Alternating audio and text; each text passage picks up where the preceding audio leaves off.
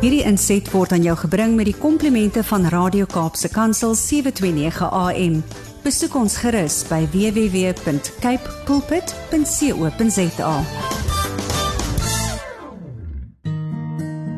Daar kom 'n dag waar al wat ons het dalk net kikkies en herinnerings is.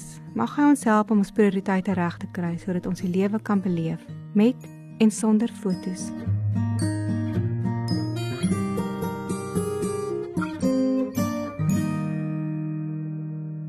Om aan te raak.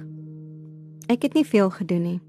Sy was bekend met 'n outoimmuun lewersiekte en mag nie pynmedikasie gebruik nie. Haar handgewrig was geswel en haar knie was ook seer. Sy het moedig geglimlag, later dankie gesê en opgestaan. Ek het gewens ek het ander oplossings gehad. Jy het na my geluister en aan my geraak. Haar woorde het my diep getref. In haar isolasielewe was aanraking 'n raar gebeurtenis. In 'n tydperk in ons land waar dinge letterlik donker is, lees ek in Jesaja 50 hoe die Here ons leer om die regte woorde te gebruik sodat ons die wat moeg is, kan moed inpraat. Soms wonder ek of my woorde nog tref. Eintlik is dit irrelevant. Die Here soek 'n gewillige hart. Dis hy wat laat groei. Soms saai ons met woorde ander kere dalk met 'n aanraking of bloot 'n omgee hart.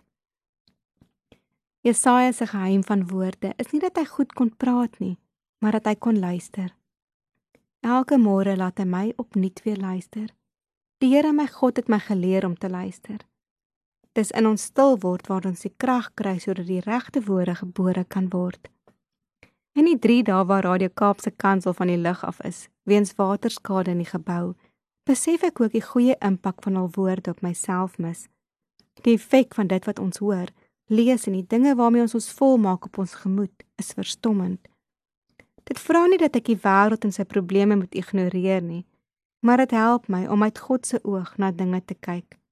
Ons moet moeite doen om die mooi te bly soek, om weg te kyk van onsself en ander raak te sien. Dankbaarheid is die hart se asem. Dit word in klein dingetjies gebore. As ek 'n klomp mans op die muurtjie sien wat wag vir werk, dan raak my werk se irritasies dalk kleiner. As 'n vriendin weer geme moet kry, raak die feit dat jy normaal kan stap en draf meer werd as hoe ver jy kan gaan. In ons alledaagse bestaan is dit maklik om moedeloos te word. Ek sien daagliks hoe mense sukkel om te cope. Oral is daar spanning: werk, familie, geld, gesondheid, politiek. Soms word die lewe net te veel. Nog 2 ure sonder krag, die laaste strooi. Jesaja motiveer ons om bome van redding te wees. Ek kan dit nie uit my eie wees nie. Ek kan net ander se dors les as ek self eers by die fontein stop. As ons hoop van ons omstandighede afhang, het ons Jesus nodiger as ooit. Soms moet ons eenvoudig meer moeite doen om by die fontein van die lewe uit te kom, te stop en te drink. Wanneer ek in die week die kriewel in my keel voel en die spanning in my lyf, weet ek my siek word is naby. Soms kan jy dit keer en ander kere is die oormag te sterk. Ek rus 'n bietjie meer, drink meer water en eet my appels. Ek is dankbaar as dit lyk of hy verbyloop. Genade. Ek kan net ander dokter as ek myself ook dokter. Ek kan ander bemoedig wanneer ek God se hoop inasem.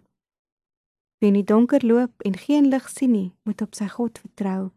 Is sy opdrag aan elkeen van ons. God vra nie wat ons omstandighede is nie. Hy beloof dat hy by ons is. Op sy pad na die kruis is hy teiken nie om die Romeinse mag te breek nie, maar om mense na sy koninkryk te lei. Ons moet waak dat ons omstandighede ons so versmoor dat ons ons roeping as kinders van God mis om bome van redding te wees. Waar jy bly, waar jy werk, waar jy beweeg, maak nie regtig saak nie. Ons het hoop. Ons kan ander bemoedig. Hy leer ons om te luister. Soms is al wat nodig is dat ons aan iemand moet raak. Hierdie was 'n gedeelte uit een van my klippies van hoop. Gaan lees gerus verder uit Ansa se klippies van hoop.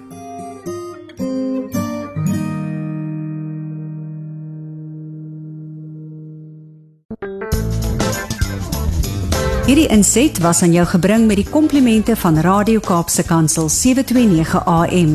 Besoek ons gerus by www.cape pulpit.co.za.